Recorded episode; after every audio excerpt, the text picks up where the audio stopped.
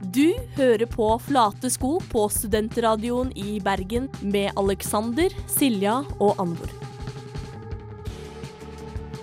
Velkommen til Flatsko her på Studentradioen i Bergen. Mitt navn er Anvor Seim Vestreim, og med meg har jeg Alexander Slåtten. Og vi har ei stappfull sending til deg i dag. Det har vi. Vi skal snakke med Kristoffer Schjelderup om livet som komiker, podkasten hans og om hans nye humorkonsept, hvor han lar uerfarne studenter konkurrere i standup. Og vi har premiere på vår nye spalte Stamstedsspalten, hvor vi tar for oss noen av våre stamplasser og diskuterer hvordan de kan forbedres. Og jeg har laget et innslag om indiespillet Titan Souls og frustrerende tendenser i spillindustrien generelt og i indiespillindustrien spesifikt. Og jeg ventilerer òg litt om den dårligste filmen jeg har sett på lenge, nemlig Hardcore Henry. Så bare følg med. Her får du Kurt Weil med Pretty Pimpin'. Ukens gjest. Kristoffer Schjelderup er en bergenskomiker med mange års fartstid. Han var med å starte Standup Bergen og er programleder for podkasten Skamfrelst. Og har en filmpodkast sammen med Grim Moberg. Vi skal snakke med Kristoffer Schjelderup om komikermiljøet i Bergen, podkasten hans, og om studentstandup-konseptet han er med på å arrangere. Velkommen, Kristoffer. Takk, takk, Alexander. Kan ikke du begynne med å fortelle oss litt om hvordan du startet som eh, komiker? Det kan jeg Altså komiker, altså standup-komiker, så var det før jeg hadde gjort mye eh, revy og show sammen med andre, og så var jeg lei av, av all ventingen og øvingen og, og forholde seg til andre. Og de fleste som holder på med kreative ting, er Ikke de fleste, men mange. Jo, jeg vil si de fleste, ikke alle, men de fleste er grusomme mennesker eh, tidsmessig. Ja. Så du blir eh, lei. Så tenkte jeg at jeg begynner heller med standup der det kun Kun meg selv er dårlig nok tidsmessig, så da får jeg kun være irritert på meg selv. Så jeg begynte i Stavanger, og uh, istedenfor å ta fem minutter på en komiklubb, som er vanlig å gjøre, som studentene skal gjøre i, i den eh, konkurransen vi skal ha, for det er liksom Det holder med fem minutter, så begynte jeg med sånn 50 minutter. Og hvordan gikk det? Hvordan var den første gangen opp på scenen? Jeg var eh, sinnssykt nervøs. Eh, men eh, når du skal stå i 50 minutter, så er du altfor stresset til å være nervøs når du kommer opp. Da må du bare gjøre det. Så da, jeg vet ikke helt hvordan jeg gjorde det. Jeg vet ikke hva jeg snakket om heller. Er dette noe man eh, anbefaler andre å gjøre? Bare hive seg ut i den dype enden av bassenget? Det anbefaler jeg. Du må bare si ja, eh, og så angre. Det, det, det er sånn de fleste begynner med standup. De sier ja, det, det kan jeg. Neste tirsdag, det er greit. Og så kommer mandag, så bare helvete, jeg gidder ikke å stå på scenen i morgen. Men da må du, for da går det på æren løs. Så de fleste blir jo tvunget inn i det av seg selv og sin idioti. Så det er lurt å spørre folk prisen på byen. Det er der du rekrutterer flest. Det var vel sånn vi ble med i dette programmet. Ja, her, så var ikke det egentlig. Forholdsvis høy promille når man eh, blir med på sånne ting. Men Kristoffer, Kristoffer, hvordan beskriver du din egen humorstil? Eh, Jeg syns han er veldig morsom. For jeg har lest litt på nettet, og stilen din blir jo beskrevet som ganske røff, kanskje litt på kanten. Syns du at det er noe som ikke går an å tulle med? Nei. Nei, nei, nei, du må tulle med absolutt alt. Men eh, jo, jo verre ting det er, jo vanskeligere er det å tulle med. Eh, og jo mer seriøst må du ta det. Du kan ikke, du kan ikke fjase om, eh, om alvorlige ting. Da, det, det kan du spare til litt mer Ja, litt mer normale, hverdagslige temaer, så kan du fjase litt. Men når det kommer til eh, alvorlige ting, så må vitsene rett og slett være bra nok. For ellers så blir det dårlig stemning. Så lenge humoren er god nok, så kan du tulle med hva du vil. Ja, det er det det, er det, det går på. Per Egge Torkesen eh, sa så fint en gang at han Du kunne tulle med alt, han kunne ikke tulle om eh, pedofili, for han var ikke flink nok. Og det syns jeg er veldig korrekt. Vi skal snakke mer med Kristoffer om podkasten hans etterpå, men først får du Razika med 'Syndere i sommersol'. Der fikk du Razika med 'Syndere i sommersol' her på Studentradioen i Bergen. Du hører på Flate sko, og vi har fremdeles med oss eh, Kristoffer her i studio. Og vi eh, har jo fått nyss i at du har startet en eh, podkast som heter Skamfrelst. Kan du fortelle oss litt om eh, den? Altså, den er jo startet for lenge siden. Jeg er bare ekstremt eh, dårlig på å gi ut episoder. Jeg startet den eh, jeg vet ikke når det var, i 2009 eller noe sånt. Det var eh, en av de første podkastene i Norge. Eh, med Stian Blipp som startet når han jobbet i P5. Eh, han, en, han valgte en annen vei karrieremessig enn meg. Noen vil si en bedre vei, andre, andre vil si det samme. De fleste vil vel si at den Hva var det som gjorde at du begynte med podkasting? Eh, jeg hørte på noen amerikanske, jeg syntes det var veldig gøy. Alltid likt radio, eh, men jeg har aldri Jeg har jobbet litt på studentradioen, men jeg har aldri, jeg har aldri kommet meg inn på NRK P3 eller noe sånt. Som, hele tiden har vært drømmen, men jeg har aldri gjort eh, løftet en finger for å få det til. da. Men jeg tenkte podcasting det er noe for meg. Da trenger du ikke å møte opp til tider. og Du trenger ikke sensurere det selv. Du kan bare si hva, hva du vil. Du kan spøke om alt, eh, og det setter jeg veldig pris på. Så eh, jeg startet opp fordi vi booker over en del kjente komikere til Bergen med jevnlig mellomrom. Så tenkte jeg da bare snakker jeg med de når de er i Bergen. Det er jo blitt mer og mer utbredt at komikere her i byen har sine egne podkaster.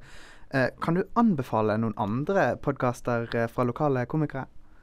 Ja, definitivt. Eh, Mensaklubben eh, som er her på studentradioen, eh, srib.no, den er jo min favoritt for tiden. Så har Jan Tore Kristoffersen og Hans Magne Skar nettopp startet opp HMS med JTK, som er, som er veldig tullete. Så er det en del borte i Oslo som hører på backstage-prat med Yngve Skomsvold. Eh, hva er greia med, eh, med Jonas Bergland eh, og en annen lege, der de snakker og tar opp et tema og går litt i dybden. Den er ikke så Prøver ikke å være så morsom, men den er veldig interessant og gøyal. Du er jo en av nøkkelpersonene i humormiljøet her i Bergen, og var jo med på å starte bl.a. Standup Bergen. Hvordan vil du beskrive det miljøet som er her?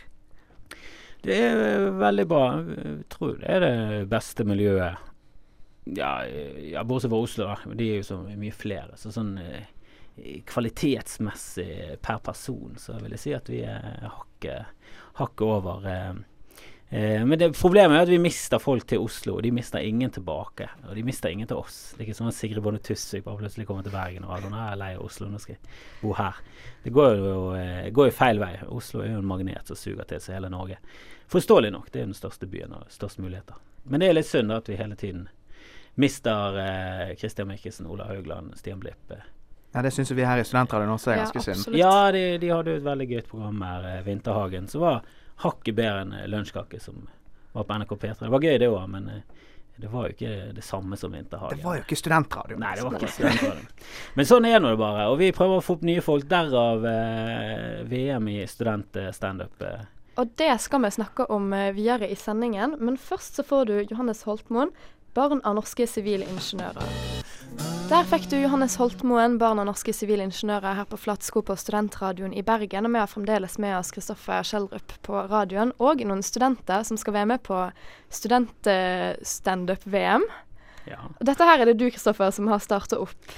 ja, jeg var i hvert fall eh, den som eh, kom på ideen, og så har jeg fått med meg noen andre eh, ja, ledere i forskjellige studentorganisasjoner og sånn, og så sammen så har vi kokt i, i hop et uh, opplegg som jeg håper skal, eh, skal bli en ting i Bergen. For Jeg har lyst til å uh, få med studenter igjen. Jeg synes Bergen er jo en stor studentby, og Bergen er kanskje Norges morsomste by. Så da, sammen så må jo det bli intelligent og god humor. Og dette skjer neste tirsdag. Ja, første delfinale var i går. Det skulle være tre, det er derfor det heter delfinale. Ellers hadde jeg valgt det litt mer folkelige semifinale, sånn som er litt mer fengende. Men det, det skulle være tre delfinaler. Men så eh, var det ikke så mange som meldte seg på, så kuttet de ut den ene. Og etter det så har jo da bl.a. Mona og Sondre eh, meldt seg på. Så har jo kommet ballet litt på seg. Så den eh, neste tirsdag blir jo da eh, veldig mange. Det blir sånn elleve studenter. Hvor er dette finner sted? Det er på Kateret, selvfølgelig. Jeg finalen skal jo være på Losjen eh, under selveste Humorfest, som også skjer i neste uke. Mona og Sondre, begynner med Mona. Hva er egentlig dine forventninger til eh, dette her? Nei, jeg tror eh, For meg så handler det om å ikke ha noen forventninger og gjøre det mest fordi jeg bare vil oppleve noe nytt og sette meg i en litt ubekvem situasjon. Og så ta det litt som det kommer, og gjøre mitt beste, egentlig. Overtalte Kristoffer deg på eh, fylla om at du skulle bli med på dette? her? Ja, han gjorde det. Nei da, han gjorde ikke det. Og Sondre, tror du at du er Bergens eh, morsomste student? Uh, det vet jeg ikke. Altså Mitt mål er egentlig bare det at et, mange har inntrykk av at medisinstudenter, som vi er, da, er litt sånn trauste og kjedelige av en eller annen grunn. Og de fleste Og- er jo egentlig det. Ja, det er, det er helt riktig. Vi er jo det. Så egentlig så var det bare å få litt humor inn på, på den banen. Og hva er det som skiller dere fra resten av medisinstudentene, da? Alt, egentlig. Ja, er det det? Ja, neseringen, tatoveringene og ja, og humoren, ikke minst. Men har dere forberedt noe? Hva er det dere skal vitse om nå på tirsdag? Jeg tenker i hvert fall å vitse om eh, det som flest kan, eller det mange kan relatere til. Eh, SIB, trening og eh, hudfarge og sånne ting. For dere som ikke ser på, så eh, er jeg en asiater-looking girl. Men eh, ja, Jonas Bergland er jo eh, en av Norges eh, mest prominente komikere som har utdannelse. For det, det er ikke så veldig av beinhard konkurranse. Eh, hvis det går til sånn tulleutdannelse som Westerdals og sånn, så er det veldig få eh, som har en sånn skikkelig utdannelse i grunn, eh, bunn. Men eh, Jonas jobber jo som lege og, og standup-komiker. Hva er greien der med at det er så mange eh, og det heter podkasten legefag? hans. Hva er greia med det? Hva er greia med det? Med leger jeg tror du, det hjelper å ha humor hvis du skal ha lege. Jeg tror ikke det er alle som har det. Du vil jo ha en litt sånn koselig en som du kan snakke til, så du føler deg komfortabel med. Det hjelper det vel på med litt humor. Kristoffer, hva er det egentlig som skal til for at man blir en god komiker? Eh, det første er at du må være morsom, eh, men eh, å bli standup-komiker det det er litt andre spilleregler enn kun å være morsom overfor eh, venner og familie og kjente og sånn. Det er litt andre mekanismer. Er, du står på en scene, det er mye større forventninger til det. Det er kun du som snakker. Det er en helt annen setting. Så det handler rett og slett om å bare kjapt få fremmede folk inn i din tankegang og verden. Og det, det, det er jo da lurt å ta opp ting som eh, folk kan relatere seg til. Det er jo en veldig det er en god egenskap. Eh, og de fleste kan jo relatere seg til trening selv om du ikke trener. Så vet du om konseptet trening. Det er verre å begynne å snakke om endometroskopi eller et eller annet sånn veldig sånn sær eh, legeting da, som kun legestudenter har et kjempeforhold til, og resten av verden har kanskje hørt om det i en bisetning og ikke vet helt hva det er. Og hva er ditt beste tips til disse to som nå skal ut i skuddlinjen? Beste tipset er eh, Det er faktisk å snakke tydelig inn i mikrofonen. For det, hvis ikke du klarer det, så får ikke folk med seg hva du sier. Så det er faktisk det beste trikset til en nybegynner. Da vil vi gjerne si tusen takk til dere, Kristoffer Schjelderup, Mona og Sondra. Så ønsker vi dere lykke til i eh, delfinalen. Her får du hvitmalt gjerde med Rakel.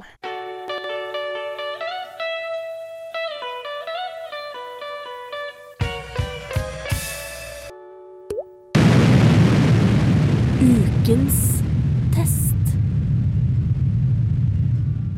Titan Souls eksemplifiserer to tendenser i spillindustrien for øvrig, men kanskje indiespillbransjen spesielt. Det er retro, og det er dritvanskelig. Titan Souls er et indiespill utviklet av det lille britiske studioet Acid Nerve. Spillet er et godt eksempel på minimalistisk spilldesign. Du spiller en gutt med én eneste pil du kan skyte og plukke opp, og du tåler kun ett eneste treff før du dør. Spillet består utelukkende av å beseire rundt eh, 20 forskjellige vesener som også kun tåler ett eneste treff. Designmessig kan det minne litt om Shadow of the Colossus, om det hadde blitt utviklet i 1989. Utfordringen ligger i å finne det svake punktet til disse vesenene og treffe det med din ene pil før du selv blir truffet og dør. Et konsept som appellerer i sin simplisitet og matcher det enkle uttrykket i spillet for øvrig. Mange indiespill faller tilbake på retroestetikken fordi de har begrensede ressurser, men Titan Souls virker mer som en omasj til det beste innen gamle spillperler.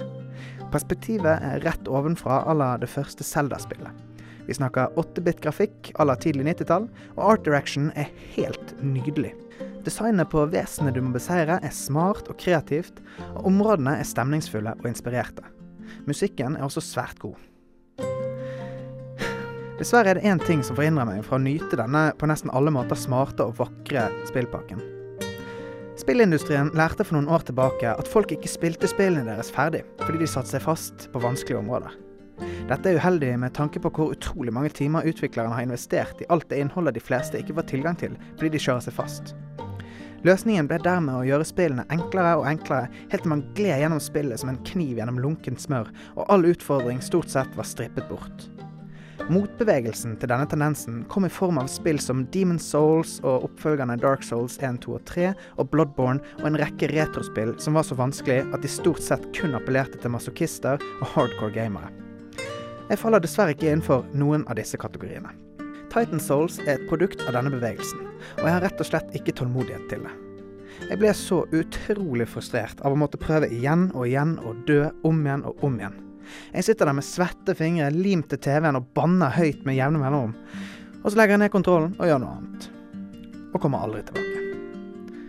Dark Souls, Bloodborne og nå Titan Souls er nydelige, vakre og interessante spill som jeg aldri kommer til å få spilt ferdig, fordi jeg bare er en vanlig fyr som ikke makter å sitte med den samme bosskampen i to timer uten noe bedre å gjøre. Jeg har ikke tid, tålmodighet eller trangen til å sitte og gjøre det samme om igjen og om igjen, og det er utrolig synd. Jeg føler jeg går glipp av magiske spilløyeblikk. Jeg er en veldig visuell person og blir trukket til god art direction og spennende design, og som en møll mot flammene brenner jeg meg igjen og igjen. Jeg er litt lei av å kjøpe vakre og spennende spill hvor jeg ikke kommer meg lenger enn det første kvarteret.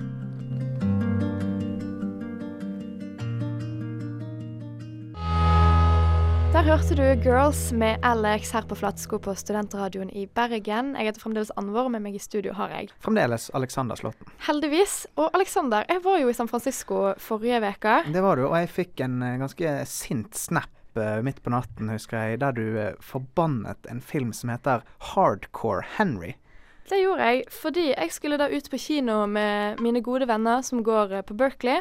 Vi skulle se en liten rolig kino. Ha det veldig kjekt. Vi hadde sett traileren. For dere som ikke har sett traileren til Hardcore Henry, jeg anbefaler å gjøre det. Konseptet er ganske kult. Du har en superduper actionhelt som man ser fra liksom first person point of view, da. Ja, jeg så traileren, og det ser jo litt ut som man, man ser på noen som spiller et førstepersons Du skytespill. får litt den à la- der COD-feelingen, egentlig. Og det har man gjennom hele filmen. Er hele filmen bare førstepersons som GoPro-filmer? Ja. Regissøren, da, som er russisk, heter Ilya Naishuler. Har da kommet opp med dette her konseptet. da, At OK, vi filmer hele denne her filmen med GoPro-kamera, som er festet på hodet til Hardcore Henry, som selvfølgelig er hovedpersonen. Historien lyder som følger. Hardcore Henry våkner opp på et laboratorium. Han husker ingenting, har ingen minne, og han mangler en fot, en arm og evnen til å snakke. Så kommer det ei dame inn i laboratoriet som hevder at hun er kona hans, som setter på han protese på bein og armen som etter hvert på en måte bare blir sånn som hud og en vanlig arm. Men man skjønner jo med en gang at Hardcore Henry er jævlig hardcore og veldig superhuman. Han blir en robot aktig cyborg. Videre så eh, blir laboratoriet angrepet av noen skumle menn. Man veit ikke hvem de er, men de snakker russisk uten at de veit hvorfor. De angriper Henry, og målet er da å drepe han. Og Henry, som egentlig er superhuman, han eh, er kjempeflink til å slåss, bruker alle kreftene sine og bare banker masse folk. Ok, Så han har blitt en sånn uh, Robocop-aktig Ja, figur. sånn der, uh, ja, veldig sånn sterk og he, fancy, litt umenneskelig menneske. Jeg må jo si, han var så langt så høres jo dette dritgøy ut. Det høres jo gøy ut, og traileren ser gøy ut, og det høres kjempefint ut. Problemet er bare det at alt er jo filma med GoPro, og det er en sånn enorm risting gjennom hele filmen. Det er bare action fra begynnelse til slutt. Man skulle ønske at det var det som var bra med filmen, at det skjer så mye hele tida. Men det skjer veldig mye uten at det egentlig er en handling. Ok, Det mangler litt sånn eksposisjon. Du, det, er ikke noe, er ikke noe begrunnelse for det som skjer? Det er sånn eller action, action, action, men hvorfor snakker alle russisk? er det ingen motivasjon for Hvem er han slemme? Ok. For det er en sånn slem telekinetic dude som er sånn magnetmann som kan sende ting på Henry og sånn. Ok, da. Så en av utfordringene her er jo at du skal klare å fortelle en historie, men kun fra perspektivet til han ene. Som ikke kan snakke. Nettopp, så hvis du skal gi eksposisjon. Så han må liksom Han må møte alle personene, og de må forklare hva som skjer. Altså De kan liksom ikke klippe vekk fra der han er, og liksom forklare litt kontekst og sånn. Nettopp. Og det som er fint, er jo greit, man møter alle fra hans synspunkt, men han har jo faen ingen snøring, for han husker jo ikke en skit. Ok, Nå skal ikke spoile for mye, da, men etter at jeg hadde sett filmen, så satt jeg igjen med en følelse av veldig mye kvalme. Ja. Fordi at jeg ble bilsjuk fordi de filma alt med GoPro-kamera, som var utrolig forstyrrende. Det var sånn at Jeg lurte litt på om jeg kanskje kunne få et epileptisk anfall, for det var så mye blinking av lys og kroppsdeler som flaug veggimellom. Det er en scene der han typ detter ut av en bil, og så bare hopper han opp på en motorsykkel bak en annen dude. Og du skjønner jo at dette her er jo ikke realistisk i det hele tatt. Awesome ut. Og den høres så kul ut, og den så så fet ut på traileren, og jeg blei så skuffa. Alt i alt så vil jeg gi denne her filmen tre av hundre flatesko slash gummistøvler slash protesebein slash militærstøvler med hull. For så dårlig var den. Over til noe litt lystigere og litt kjekkere. Her får du Sufjan Stevens med 'Should Have Known Better'. Da er det tid for vår nye spalte, Stamstedsspalten, her på Flatsko på Studentradioen i Bergen. I denne spalta så snakker vi om våre stamsteder og hvordan de kan forbedres. Og i dag så skal vi ta for oss Klubb Kok og Kvarteret. Men aller først så skal vi snakke om Kvarteret. Og her er jo problemet klinkende klart. Alle som har lest Studvest i det siste, vet at englene er ganske pissed off. Og det er med god grunn, fordi jeg vil si hovedproblemet med Kvarteret, det er først og fremst vaktene. Ja, for hvem har ikke en eller annen venn som på et eller annet tidspunkt har blitt kasta ut eh, fra kvarteret på grunnlag av at de typ er for fulle, uten at de egentlig er altfor fulle? Jeg kjenner flere folk som har blitt kastet ut fra Kvarteret edru, enn som har blitt kastet ut fordi de var for full.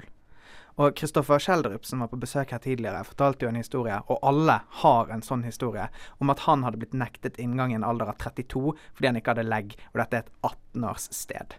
Altså, unnskyld meg, men, men hva skjer? For det første så blir man aldri møtt med et smil i døren når man går inn på kvarteret. Man får alltid det der litt sånn granskende, mistenksomme blikket. Jeg Ja, må ofte vise sånn. både bankkortet mitt, fordi det ikke ligner på meg, og sertifikatet mitt før de endelig slipper meg inn. Og jeg er til og med frivillig i Bergen Filmklubb. Vi er liksom guilty until proven otherwise. Men det skal jo også sies at dette er et sted med mye plass, det er billig øl, og de har en, den største toalettettheten per kvadratmeter i hele byen. Det er så mye doer der. Og det er mye bra konserter. Billig, dog elendig kaffe. Altså you get what you pay for. Ja. Um, så det er ikke det at det er, det er et dårlig sted, men det er det er disse vaktene, og det er vel egentlig en Jeg tror det er en internkultur der som trenger en, en fullstendig overhaling, for dette er et vedvarende problem. liten problem. oppvask tror jeg hadde vært eh, tingen her. For jeg tror internkulturen er, er hovedproblemet hos kvarteret. Og det er synd at det er vanskelig å dra folk med der. For når du først er inn, innenfor de fire veggene der, så koser man seg jo nesten alltid. Det er jo nesten alltid gøy, så lenge de store rommene i kvarteret ikke er tomme, selvfølgelig. Mm. Noe de noen ganger kan være på hverdager. Men hvis det er helhus, hvis det er konserter, så har jo kvarteret noen av de beste konsertene i byen. Og det er kjempebra stemning. Og helhus er alltid en suksess. Jeg har nesten alle mine aller beste opplevelser ute på byen i Bergen er på forskjellige helhus, f.eks. Studentkampen og lignende, på kvarteret. Så det er bare gjør noe med den internkulturen, så blir det der det beste utestedet i Bergen. Vi skal snakke videre om eh, vårt andre stamsted, Klubb Kok. Etter denne låten her får du Lysgård av Desert Island and a City of Lights. Vi er tilbake igjen på Flatesko på Studentradioen i Bergen med vår nye spalte Stamstedsspalten. Mye fine bokstavrim der, Aleksander. Jo takk, jeg er ganske fornøyd med det navnet. Og vi skal ta for oss eh, et annet stamsted blant eh, mange, Klubb Kok. Fordi det har jo blitt en tirsdagstradisjon både her i Studentradioen og her i dette programmet at man drar på kok på tirsdager. Og hvorfor akkurat kok på tirsdager, Anvor? Ja, hvorfor? For man vil jo egentlig ikke dra der en annen dag enn tirsdag. Nei, dette er ikke et sted Dette er på mange måter litt motsatt av kvarteret. Selve stedet er ganske forferdelig. De har helt jævlig kunst på veggene. Det er dårlig atmosfære. Det er rart design på hele lokalet. Jeg snubler alltid nesten i bardisken fordi Ja. den er så lav. Det er mørkt og rart, og det er vemmelig der inne. Men hva er det de har? 25 kroners øl på, På tirsdager! Og det liker jo jeg og Aleksander veldig godt. Om det er noe vi liker, så er det billig. Billig, Billig, øl. billig øl. Men likevel, vi har en del eh, negative faktorer på Klubb Kok likevel. Og det må sies, når ølen koster like mye som man gjør i butikken, så veier det opp for veldig mange av de, men Men Ikke ikke den jævla rævdårlige DJ-en de pleier å ha. Jeg vet ikke om de er samme DJ hver gang, men please, kjære DJ, dette her kan til og med jeg som er sjukt, sjukt nube-DJ, kan ingenting. Ikke bytt fra en låt som har ett tempo, til en annen låt som har et helt annet tempo, uten en smooth overgang, for det, det stopper jo alt opp. de dansegulvene varer aldri mer enn én sang, og noen må alltid ta inch for å få folk ut igjen på gulvet. Sånn fem sanger seinere, når DJ-en endelig har fått his shit together. Og ikke bare det, DJ-en stopper jo òg nemlig de mest fete hitsene midt i, for at de tre menneskene som står på dansegulvet og grinder, skal få lov til å synge med på sangen, noe de selvfølgelig ikke gjør, for de er enten altfor fulle eller altfor opptatt med å klå på en eller annen jente. Og det skal jo sies, hvis det er et lite problem på Klubbkok når ølen koster 25 kroner, så er det det at folk er litt for fulle. Men jeg må jo si at eh, man, man kan på en måte søke tilflukt litt inni den klinekroken inni skogen der. For det gjør jo du, Aleksander. Det har hendt at jeg har sneket meg inn i skogen der med en småpike. Det må jeg jo innrømme. Men det er, jo- du føler jo at du er på telttur der inne. Alle snapsene du tar, har sånn her eh, granskau i bakgrunnen. Rare filter og Ja. Men, men, og dette er den, det største problemet med Kullkok, når du er inni den kroken, og folk skal komme og sette seg, så har de en sånn lampe som henger ned sånn foran der du skal snike deg inn. Alle som har vært der, vet hva jeg snakker om. Så det som skjer, er at folk er full, smeller inn i den lampen. Jeg tror pæren har gått hver eneste gang jeg har vært der. Det er den dummeste interiørdesignløsningen jeg noen gang har hørt. Jeg tenker de taper mer penger på lyspære enn de taper på billig øl. Jeg tror de taper mye penger på den ølen, det tror jeg. Men det er også en utrolig koselig bartender der, som regel, og veldig hyggelige dørvakter. Dørvaktene er et stort pluss. De smiler alltid, de er alltid superhyggelige og eh, De gir deg the benefit of the doubt. Så hvis Kvarteret og Klubb Kok bare hadde lært litt av hverandre, så tror jeg at eh, de kunne gjort det jævlig skarpt. Kort oppsummert, vi kombinerer Klubb Kok med Kvarteret. Kvart, klubb Kvarteret Kok. Den er bra. Klubb Kvarteret. KKK. Og så hadde det liksom måtte bare vært skikkelig awesome. Da hadde det vært veldig lett å finne ut hvor man skulle gått ut på en eh, tirsdagskveld, i hvert fall. Her får du Amped Out med Fatigue. Det var alt vi hadde for denne gangen her på Flate sko på Studentradioen i Bergen. Takk til Kristoffer Schjelderup og hans entourage av unge, lovende komikere, Mona og Sondre. Produsent for sendingen har vært Daniel Captain Horgan, Skjærsokker Horgen. Sjekk ut bonussporet på podkast hvor vi snakker med Skjeldrup om alt fra film til kommunisme. Du finner podkastene våre på srib.no, iTunes eller hvor hen enn du laster ned dine podkaster. Og sist, men ikke minst, hør oss igjen neste onsdag til samme tid klokka 13.00. Ha det bra!